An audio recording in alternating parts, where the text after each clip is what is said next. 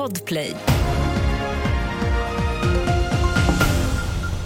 NATO-beslut dröjer. En person död efter fartygsolyckan i Nordsjön. Och så mycket olja har sanerats utanför Blekinges kust. Det är rubrikerna i TV4 Nyheterna som börjar med att utrikesminister Tobias Billström räknar med att Sverige kan vara NATO-medlem den 28-29 november.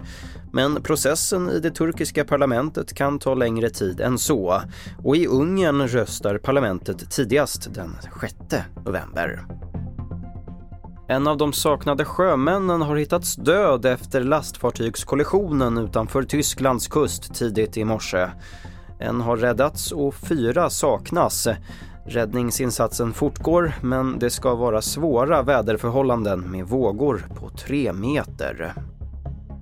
Minst 7000 liter olja har fångats upp efter fartygsolyckan med passagerarfärjan Marco Polo utanför Blekinges kust. Oljan är skadlig för havsfåglar och annat djur och växtliv och det är allvarligt om insatsen drar ut på tiden, det här enligt Naturskyddsföreningen. Östersjön är ju ett känsligt ekosystem med kallt vatten, lång omsättning av vatten och låg salthalt. Och inte minst för våra sjöfåglar som får det här i sina fjädrar. Så det är otroligt allvarligt för våra sjöfåglar men också för andra djur och växter i Östersjön. Det sa Karin Lexén på Naturskyddsföreningen.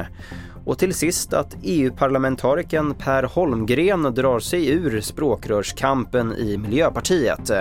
Det bekräftar hans pressekreterare för SVT Nyheter efter att DN haft uppgifter om saken tidigare idag.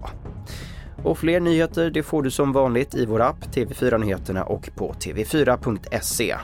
Jag heter Albert Hjalmers.